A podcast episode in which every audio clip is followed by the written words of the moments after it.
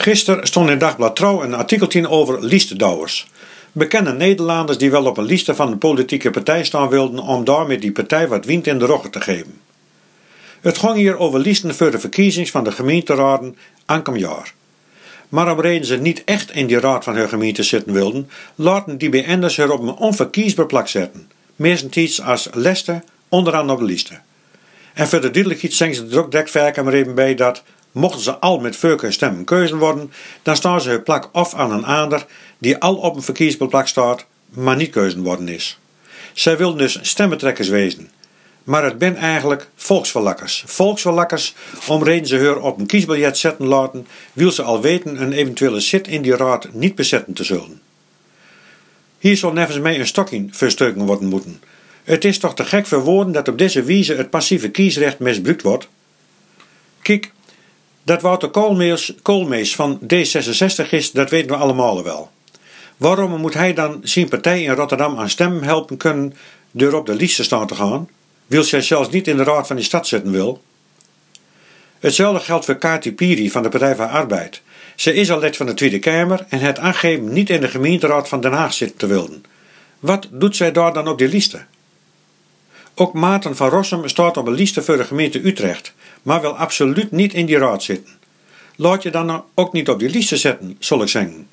Je kunt op allerhande manieren in kranten, verkiezingsfolders of lokale televisie wel duidelijk maken dat je een bepaalde partij steunen wil. Mijn voorstel is dat alle voorkeurstemmen die uitgebracht worden op mensen die wel keuzen worden, maar uiteindelijk niet in de raad zitten wilden, dat al die stemmen in een gemeente bij elkaar worden en verdeeld over alle partijen in die gemeente. Partijen zullen daarom afdwingen moeten dat mensen die op een lijst staan gaan in de raad ook daarin zitten wilden als ze de voorkeurstemmen in de raad keuzen worden.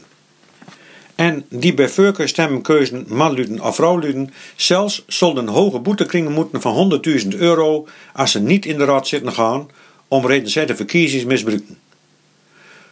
Een vergelijkbare situatie is nevens mij de woonplicht van wetholders. Een wetholder is wettelijk verplicht te wonen in de gemeente waar hij wetholder is. Nu kan het voorkomen dat een van buiten de gemeente als wetholder benoemd wordt. Hij of zij kan dan een jaar ontheffing krijgen van de woonplicht. Maar die ontheffing kan jaar na jaar weer verlengd worden, als het om een, wat de wet noemt, bijzonder geval gaat. Maar spietig genoeg is niet bij wet vastgelegd wat een bijzonder geval is.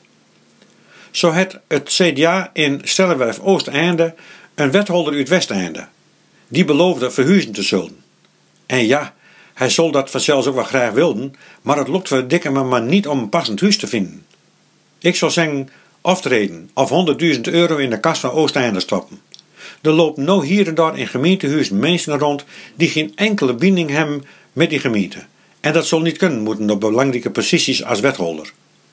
Hetzelfde geldt trouwens voor andere organisaties als omroepen of dagbladen. Ook daar worden bij managers aansteld die geen enkele emotie hebben bij de organisatie door ze dik geld verdienen. Het zijn pure managers die vaak even met olifantenpoten door de organisatie heen gaan en een puinhoop achterlaten als ze na jaren wat weer opstappen.